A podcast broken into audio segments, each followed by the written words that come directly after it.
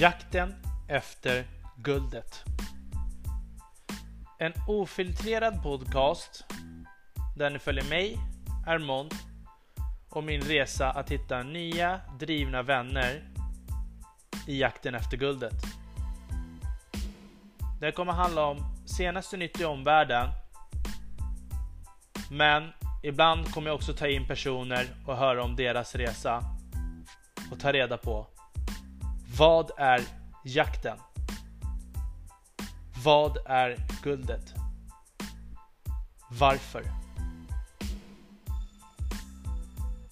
För att ni enklare ska förstå vem jag är så ska jag berätta om mig själv och min uppväxt. Jag brukar säga att jag är divergent och har levt i den starka världen slash nya världen sen jag var 12.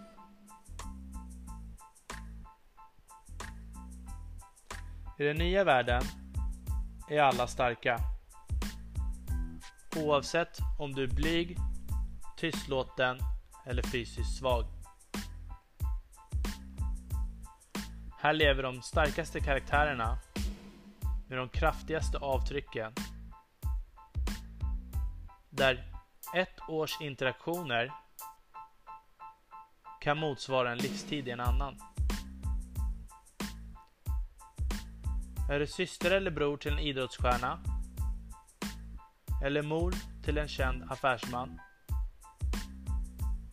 Dotter till en skådespelare? Då lever du också i den nya världen och är van med high pressure and high pressure people.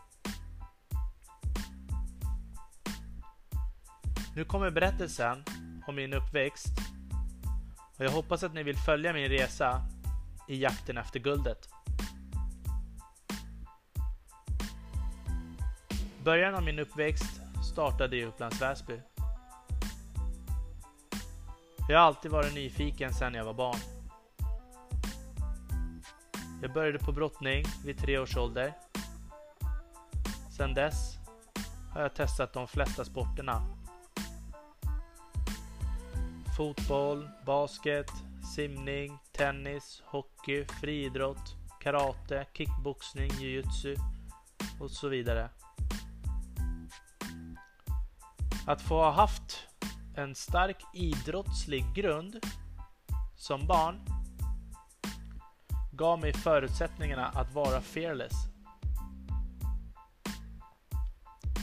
Jag har alltid fullföljt min nyfikenhet så fort jag fått en vim. Jag har aldrig väntat en sekund. Jag har alltid bara gått på på en gång. Jag menar, varför ska jag vara rädd för något? Om jag kan klå allt och alla på allting.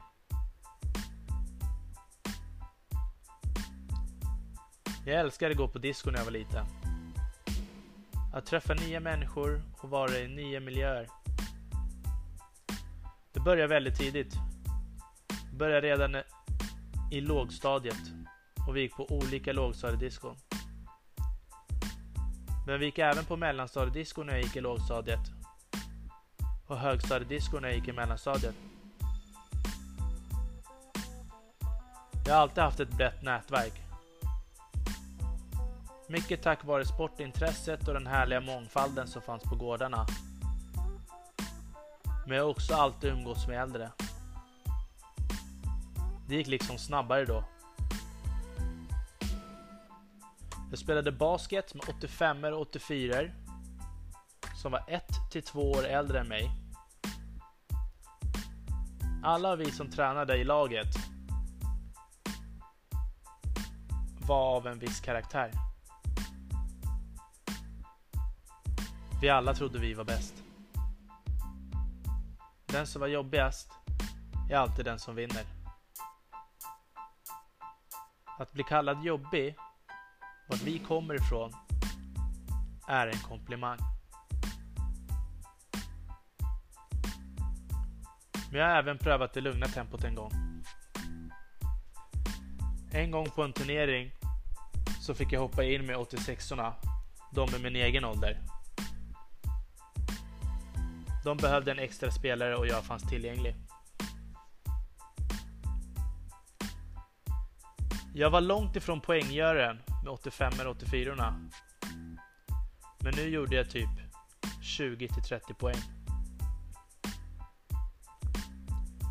Jag kommer ihåg att jag sa till min kompis CH, som spelade fotboll på den tiden. Kom så spelar vi basket mot sexorna. Det är skitkul. Du kommer älska det. CH kommer för övrigt på äldre dagar att spela fotboll i AIK. Det gick ganska snabbt. Vi tröttnade på det low pressure game. Vi var aldrig gjorda för mellanmjölk. Väsbyskolan, Smedjeskolan, Rumbeskolan, Grimstaskolan, Odenslunda, Ladan, Brumbevik, Infracity. Det var lite av de olika diskoteken som vi brukade gå till. Den nya världen. Sommarlovet i femman, innan vi börjar sexan, åkte jag och mina kompisar in till stan för första gången. Vi skulle gå på konsert. Vi hade hört ifrån de äldre barnen på gården om Vattenfestivalen och om en Backstreet Boys konsert som var den coola hiphopgruppen på den tiden. De berättade också att det fanns galna 15-åriga tjejer som slänger sig på alla killar. Det blev det sista strået i stacken. Vi kunde inte hålla oss och vi bestämde oss för att åka in och sen ta sista pendeln hem. Tre stycken var vi med mig. Det mest seriösa och folkvana får åka med. Vi har ingen aning om vad som väntar. Det fanns inte direkt något internet som man kunde googla. Inte heller någon GPS för den delen. Vi hade ingen aning vart det låg någonstans och vi hade heller inget tidsperspektiv. Det enda vi hade sett var Michael Jackson-konserter på TV där folk blev ihjältrampade. Vad händer om vi missar sista pendeln hem? Vi har inte ens stämpelhäfte eller busskort. Alla vi som åker måste äga oss själva till 100%. Det här är ingen lek. Om någonting händer kan vi inte skylla på varandra. Vi måste ha tillit till 100%. Kommer vi bort i folkhavet ska vi titta efter varandra utan att få panik. Ingen lämnar någon. Och om någon ger en hint att man vill gå därifrån, då går vi på en gång. Utan att ställa frågor. Sånt tar man sen. Det finns inte alltid tid med frågor om det är allvar. Skulle någons förälder komma på en så äger man sig själv. Föräldrarna ska inte lägga skulden på någon annan. Ingen av oss får vara här. Därför är det viktigt att man inte skyller ifrån sig. Alla åkte av egen vilja. Vi skulle inte våga åka med någon som inte kan tillföra trygghet i gruppen. Vi alla var superatleter och trodde vi kunde hoppa och springa från allt och alla. Det här blir inga problem. På pendeltåget in till stan var det fullt med vuxna och ungdomar som drack och rökte på tåget. Det var så det såg ut på den tiden. Det var liksom fest på pendeln hela vägen in till stan. Vi träffade på några äldre på tåget som vi kände. De tyckte vi var skitcoola som skulle till Vattenfestivalen. Någon var en gammal fotbollstränare från fotbollsskolan. Och någon annan var någon storebror eller kusin. Vi var in the center of attention. Och alla tjejer och killar ville prata med oss. Vi som åkte har på ett eller annat sätt alltid trott att vi är vuxna. Vi skulle inte be de äldre om hjälp för att hitta vägen. De visste ju redan att vi var de coolaste på tåget. Vi bestämde oss för att följa den stora massan och så sa vi, vi ses där inne och så gick vi i förväg. När vi kom in till Kungsträdgården så träffade vi jättemycket andra barn som också var som oss. Det var de modigaste och nyfiknaste personerna från hela Stockholm. Och alla ville bara ha kul.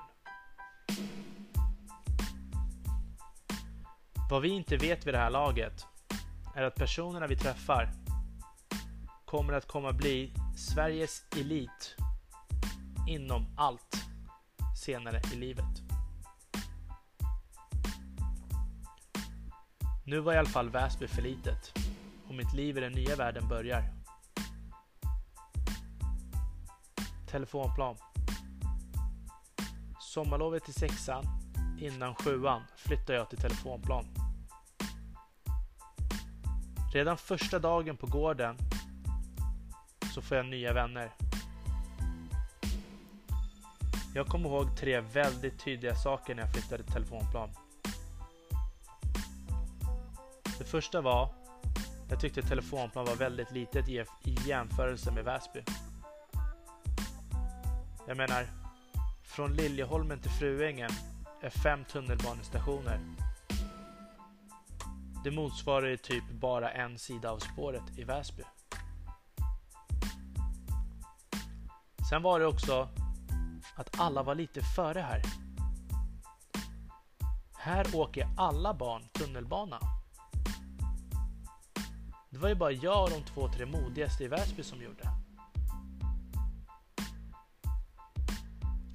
Det tredje var kulturkrocken. Jag tyckte det var väldigt mycket lögner. Vita lögner och spel både från vuxna och barn. Vuxna mot barn, barn mot vuxna och även sinsemellan.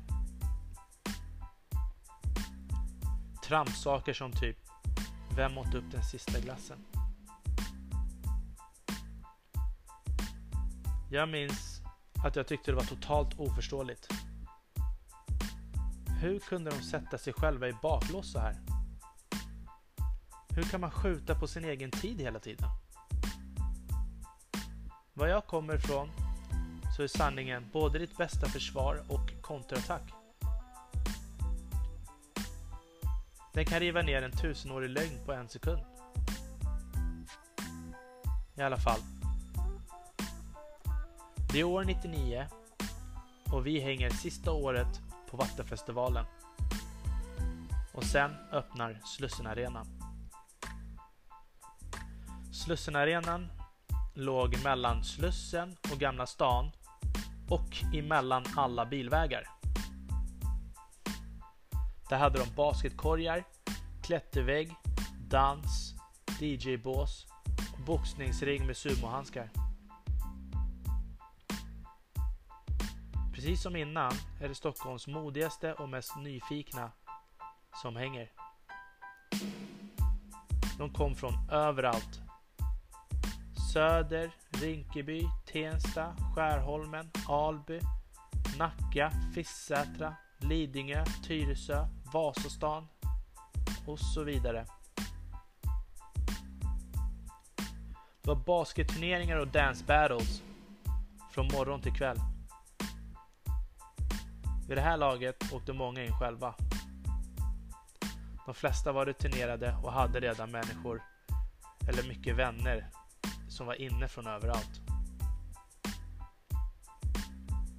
När jag var 14 öppnade Stockholms största disco med insläpp på 2000 pers på Kulturhuset. Det ligger vid Plattan i T-centralen Det var 15-årsgräns, men jag hade VIP-kort och var en cityveteran. Vännerna kom från överallt, tvärs över hela Stockholm. Vid det här laget hade vi hunnit bli beteendeexperter. Man kunde se en bit i framtiden. Läsa av beteenden innan de själva ens förstod vad det kan komma att komma göra i kommande steg. Man har ju använt alla uttryck själv. Den emotionella intelligensen hade stigit och vi var äldre än de äldre. Så har det nog alltid varit. Det var tre våningar med ett hiphoprum, en lounge och en rave.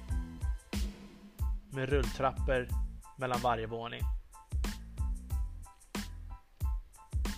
Jag kommer inte ihåg om det var året därpå eller dagen efter.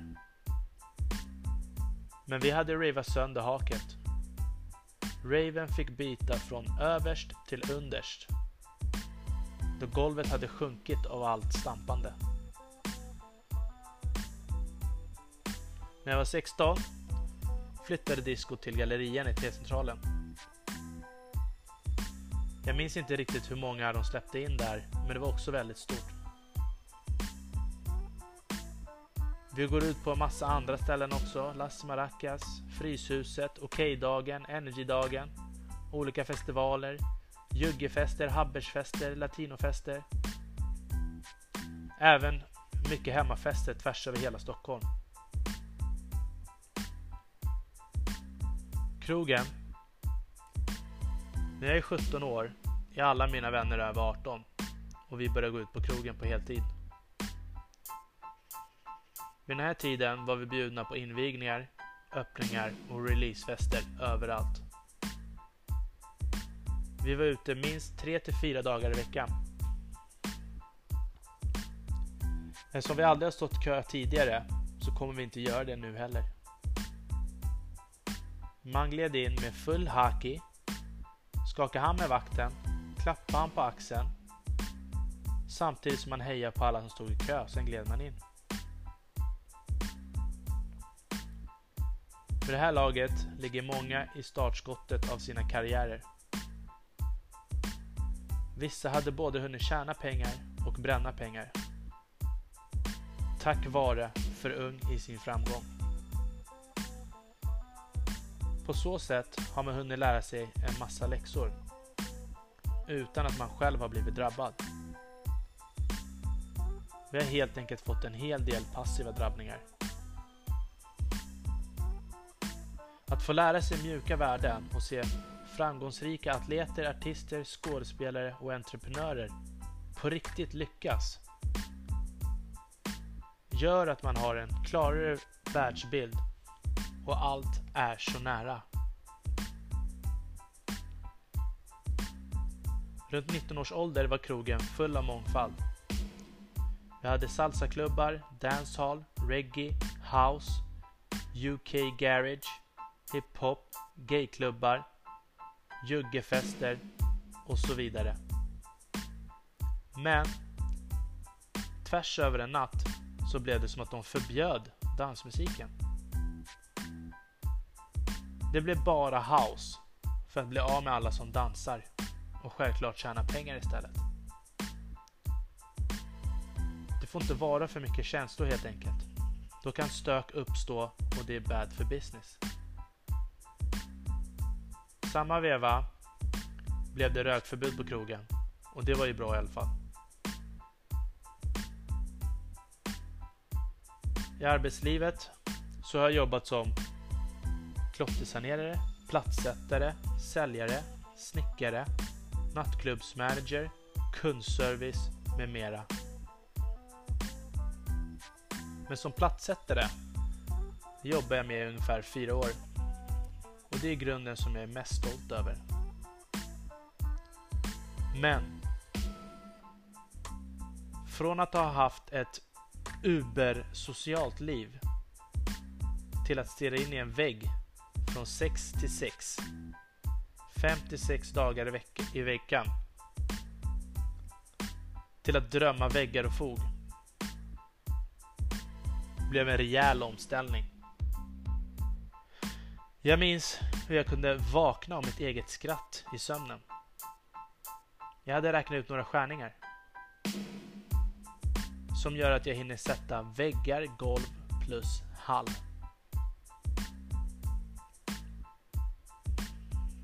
Efter att ha levt knegarliv och tröttnat på att gå ut ville jag göra någonting nytt. Jag kände en enorm begränsning som jag aldrig tidigare har känt.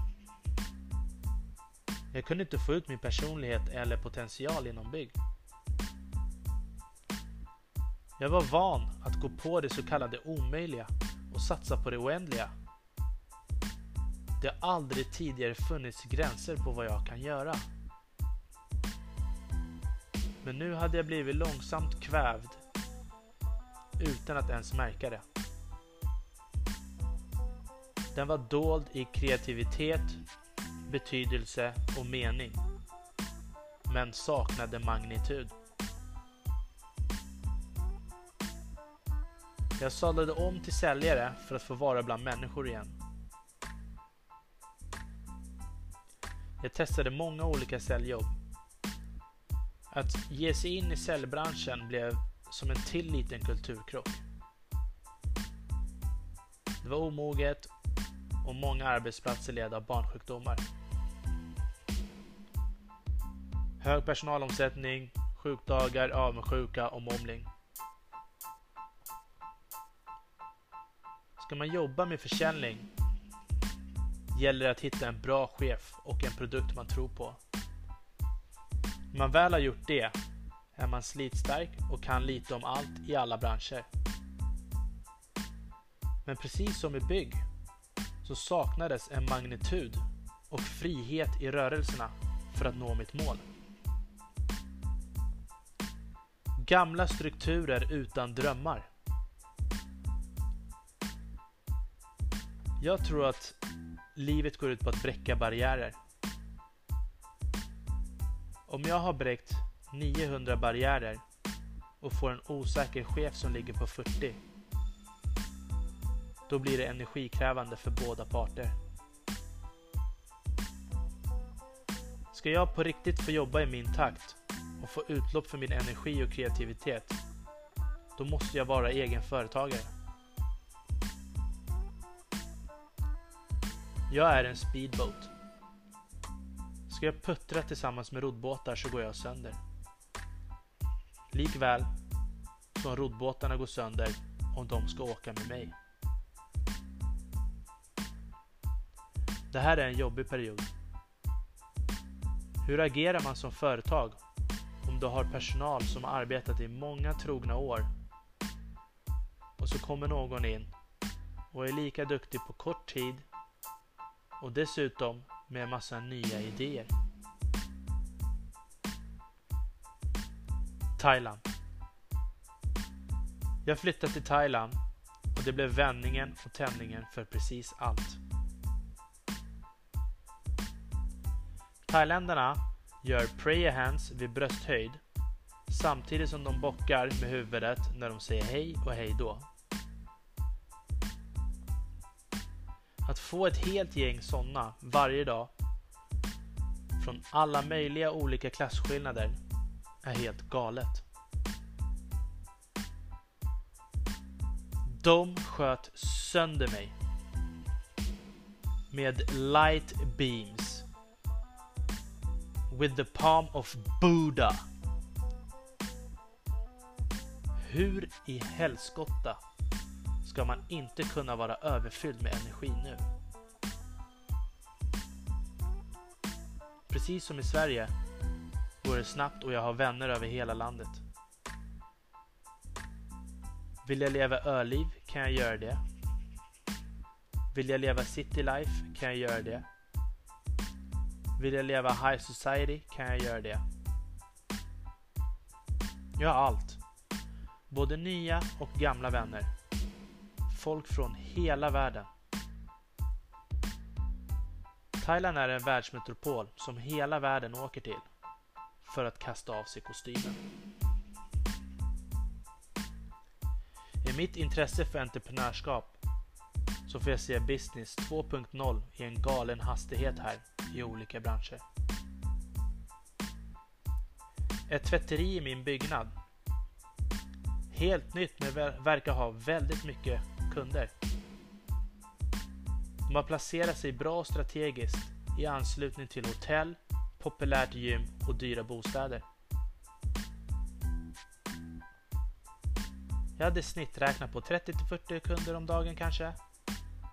Som tvättade för kanske 300 baht i snitt styck. Så kändes, så kändes det i alla fall när man läste av storleken på påsarna. Det visade sig nästan stämma. Ägarna var två unga tjejer mellan 25 till 35 års ålder som omsatte närmare 500 000 baht i månaden och som senare blev en franchise.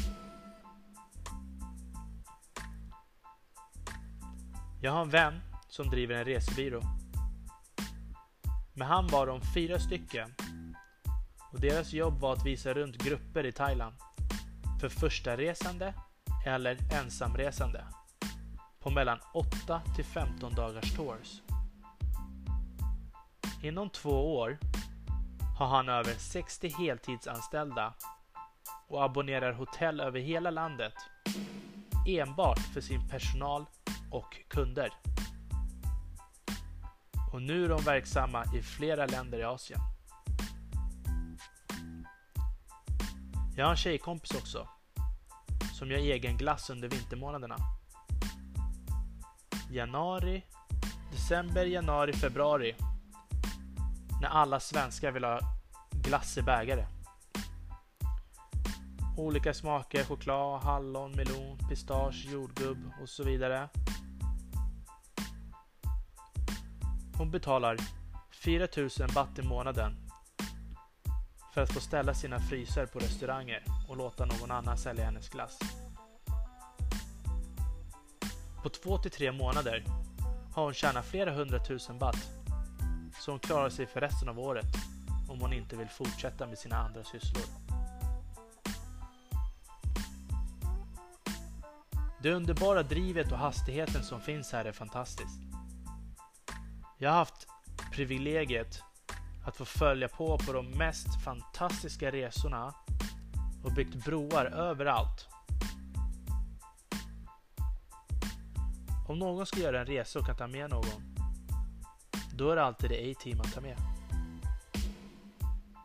Jag har fått resa till olika platser i världen tack vare mina kära vänner och min sociala kompetens. Jag har också lagt märke till vilket enormt försprång vi svenskar har i allmänbildning. Vi är kulturrikare än de internationella diplomatbarnen. Tack vare att vi är uppvuxna i Sverige. Det gör det väldigt enkelt för oss att connecta internationellt. I vissa länder har de inte ens sett en serie eller film. I andra länder är det bara de rika som kan idrotta. Det finns familjära kulturer, det finns överbeskyddande kulturer och det finns även svårt segregerade kulturer. I Sverige kan vi allt. Är du riktigt rik eller fattig kan du fortfarande röra dig vart du vill. I andra länder behöver du inte vara särskilt rik för att låsa in dig i säkerhet eller segregation. Svenskar, holländare och tyskar har bredast grund av alla i hela världen. Dröm.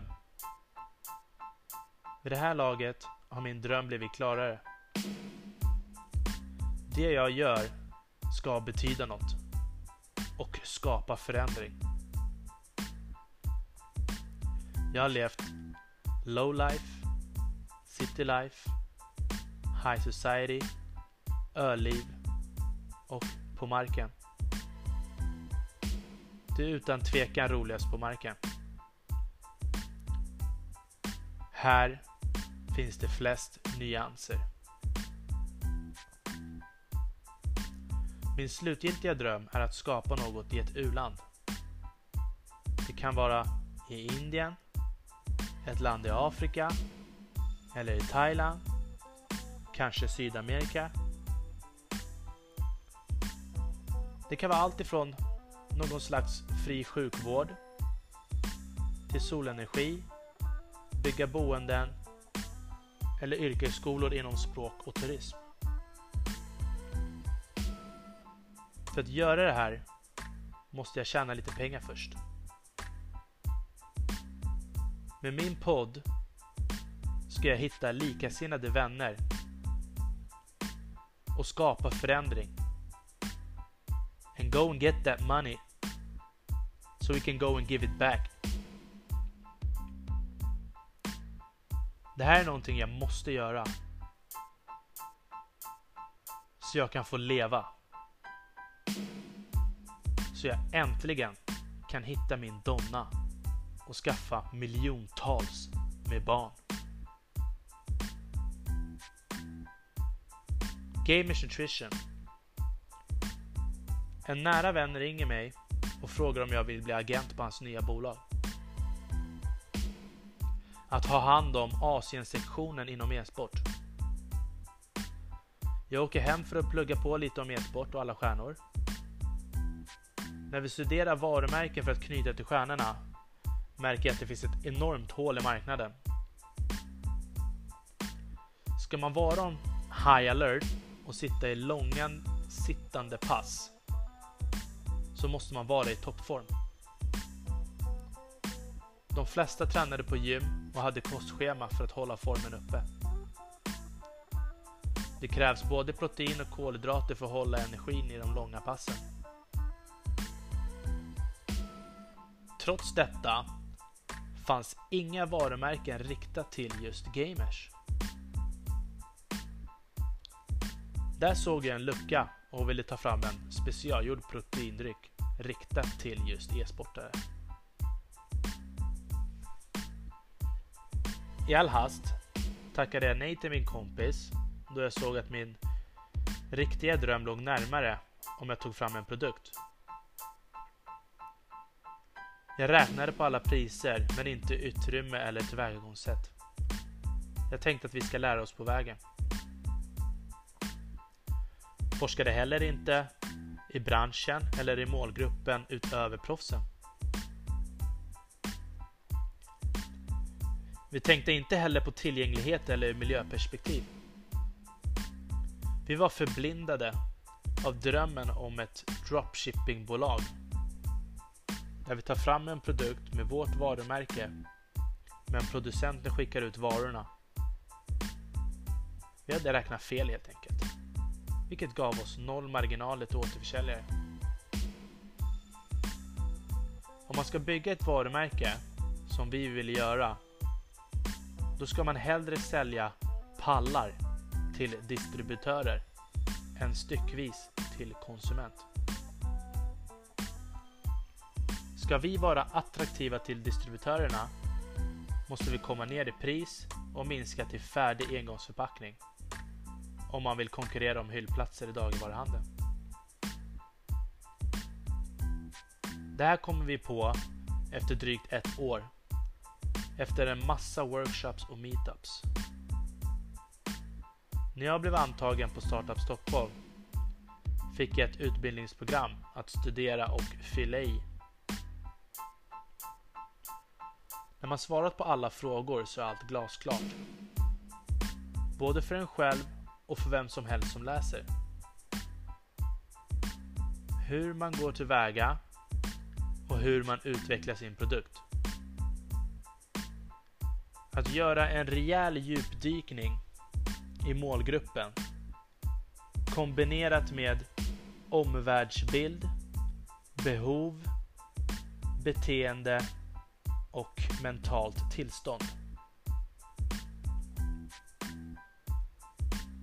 När man har gjort det här har man skapat den perfekta produkten för sin målgrupp.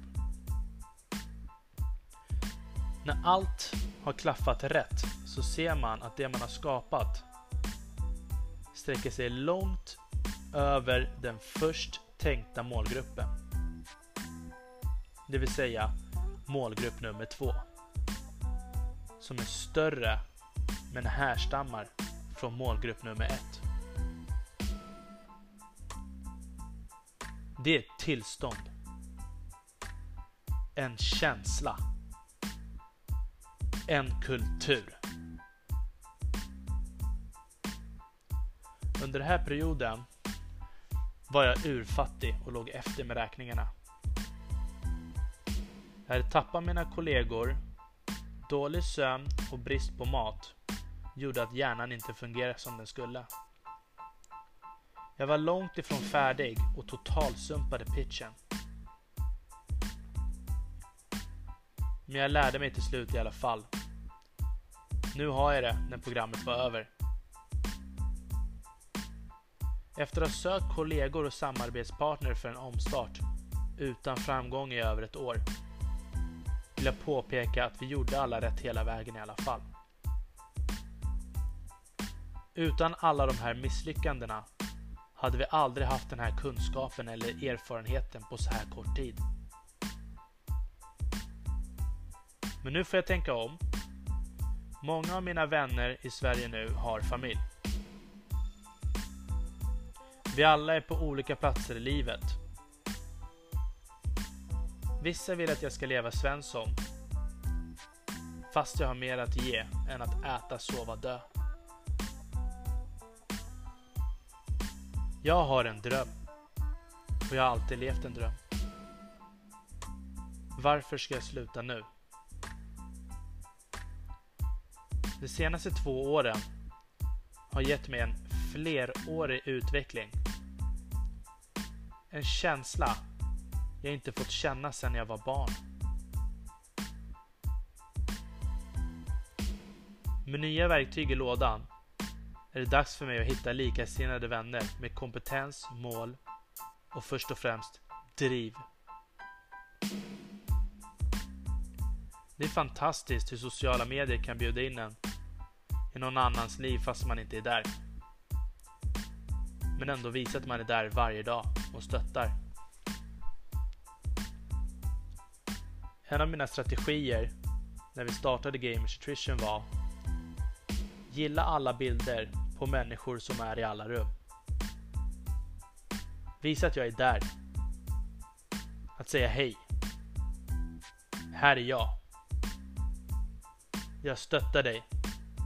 Vi ses när jag också har mitt.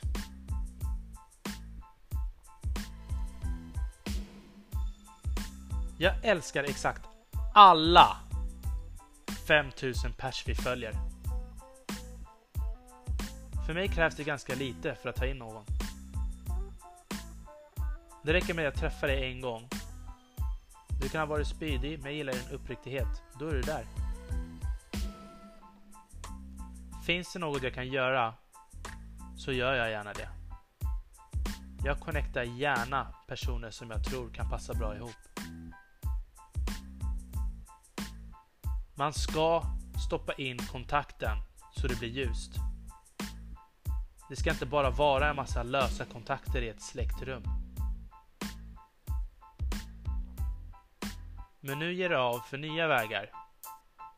Den nya planen, efter att plugga lite business på egen hand och läst böcker som exempelvis Controller-handboken för överblick, strukturer, uppbyggnad och benämningar.